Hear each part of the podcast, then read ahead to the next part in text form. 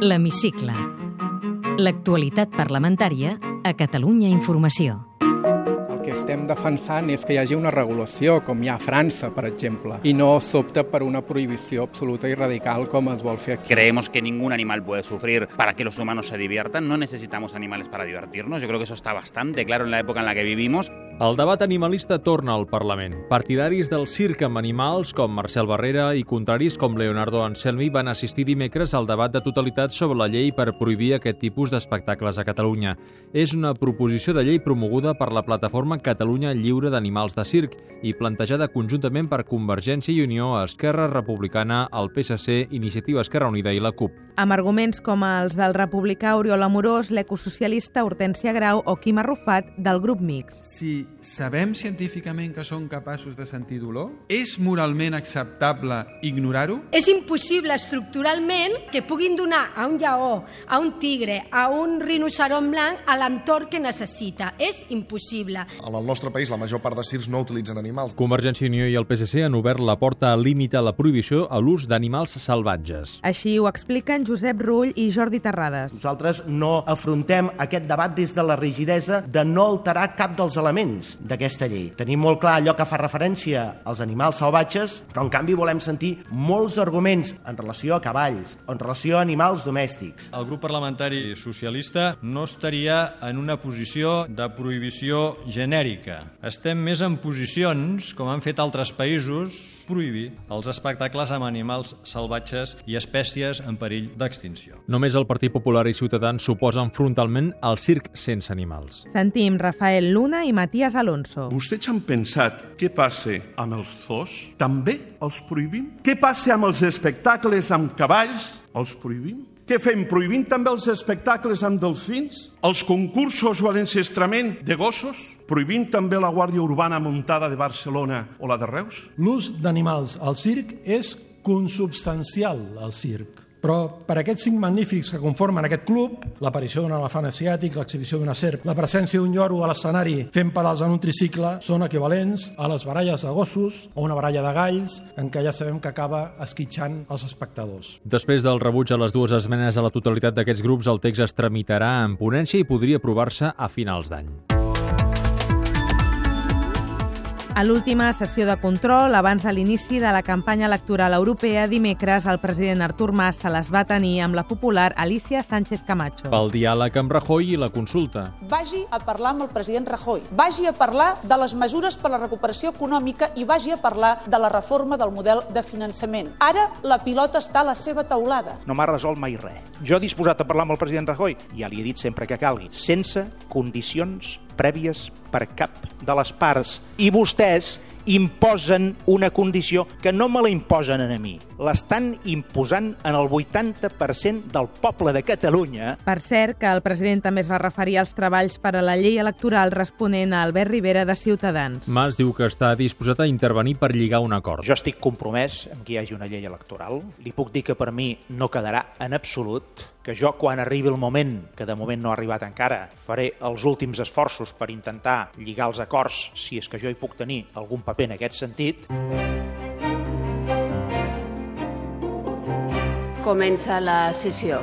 Abans Feia vuit de... setmanes que Núria de Gispert no dirigia les sessions plenàries. La presidenta del Parlament ha estat de baixa des de mitjans de març per una intervenció quirúrgica i dimarts ja va presidir la mesa. Dimecres, en el seu retorn al ple, va agrair les mostres de suport rebudes. Avui sóc jo la que em reincorporo.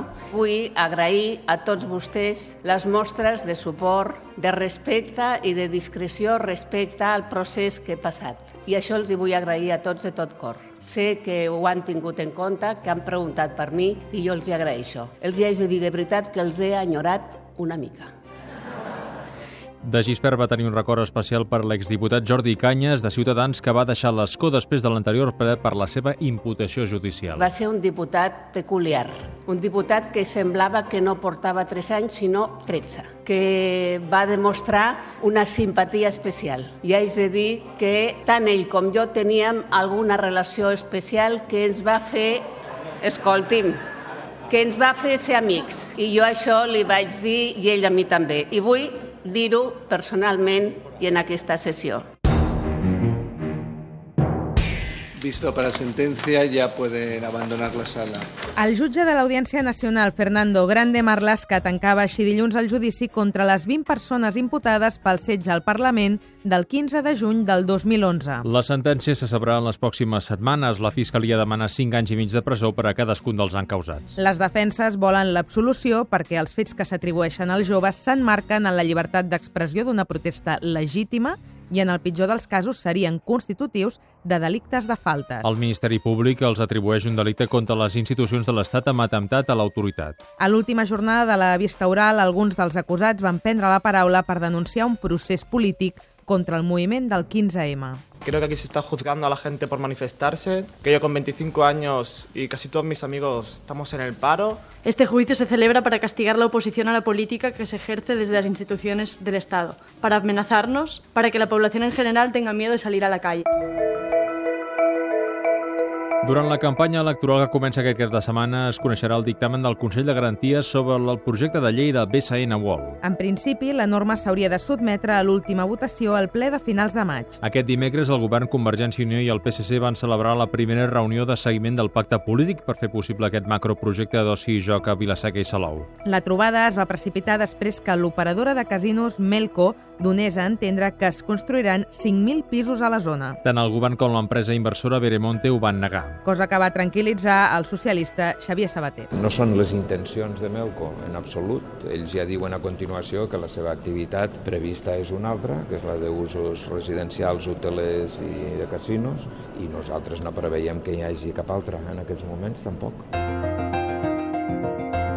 Entre les mocions aprovades al ple d'aquesta setmana destaca una de la CUP que insta el govern a promoure noves cooperatives i a crear un fons per donar-hi suport.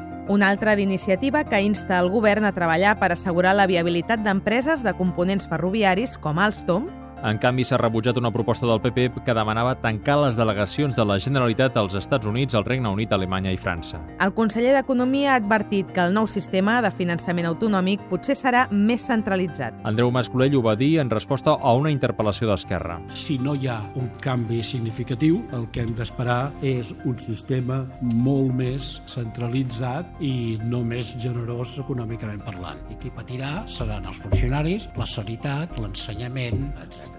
El ple del Parlament s'ha sumat al Dia Mundial contra que l'Homofòbia, es commemora el 17 de maig. amb la lectura d'un text llegit pel secretari tercer de la mesa, Josep Rull. El Parlament de Catalunya manifesta la seva adhesió a aquesta jornada i expressa un cop més la necessitat de continuar treballant contra tota mena de discriminació. Així mateix fa una crida a tota la societat i a tots els poders públics de Catalunya perquè es manifestin i treballin en l'erradicació de l'homofòbia.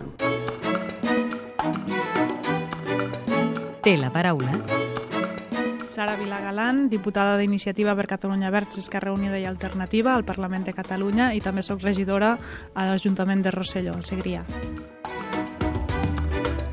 en una frase. Senyora Sara Vila, vol que Catalunya esdevingui un estat? Sí, Vol que aquest estat sigui independent? sí. Què passa si la convocatòria de consultes és impugnada? Doncs que haurem de, com- de persistir i haurem de buscar una altra alternativa per poder votar. Preveu eleccions anticipades? Podria ser. Descarta una declaració unilateral d'independència? Sí, la descarto absolutament. Una declaració unilateral d'independència no és un exercici democràtic. Una reforma constitucional pot ajudar a encaixar Catalunya a Espanya? Sí, però no creiem que es doni aquesta reforma constitucional. Haguéssim tingut oportunitat de fer-ho, però no s'ha fet mai. Quina injustícia l'enerva més a Catalunya? i la desigualtat, que hi hagi gent que s'ho estigui passant tan malament, que hi hagi malnutrició infantil, que hi hagi gent que no tingui accés a serveis bàsics i que no hi hagi ocupació. Percep símptomes de recuperació econòmica? Ni un. Ha estat mai a la Cuba de l'atur? Sí. Si es queda sense feina, quina és la primera porta que trucaria? Doncs Segurament el que faria és tornar a revisar el meu currículum i tornar a treballar amb temes del tercer sector, ONGs, amb fundacions, organitzacions internacionals que es dediquen a la cooperació. Ha canviat de cotxe recentment?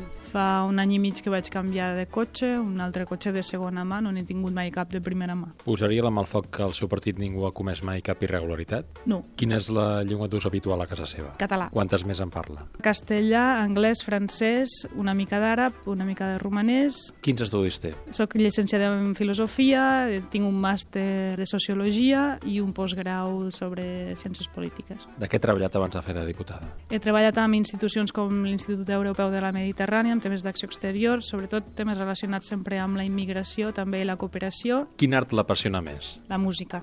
Digui'm un grup o una obra predilecta. La troba Kung Fu, Flor de Primavera, Segueix alguna sèrie de televisió en especial? La Riera. Com reparteixen les feines domèstiques a casa? Me les menjo jo sola, perquè estic sola. En quins pobles o ciutats ha viscut al llarg de la seva vida? A Rosselló, viscut a, a Palafolls, a l'Estartit, a Barcelona, al Caire i a Tànger. Què pensa de les teràpies alternatives? Són una opció plausible i, a més a més, les utilitzo. Creu en l'amor a primera vista? No. Amb quin sex símbol compartiria una estona? Marc Cartes, Quin diputat o diputada d'un altre grup fitxaria pel seu ideologia a banda? Marc Sangles. Quan acaba un ple del Parlament, com desconnecta quan torna cap a casa? Quan arribo a la nit, eh, doncs mira, una sèrie que em faci desconnectar com la Riera. Senyora Sara Vila, moltes gràcies. Gràcies a vostès. Podeu tornar a escoltar aquest programa i recuperar els anteriors a catradio.cat barra hemicicle.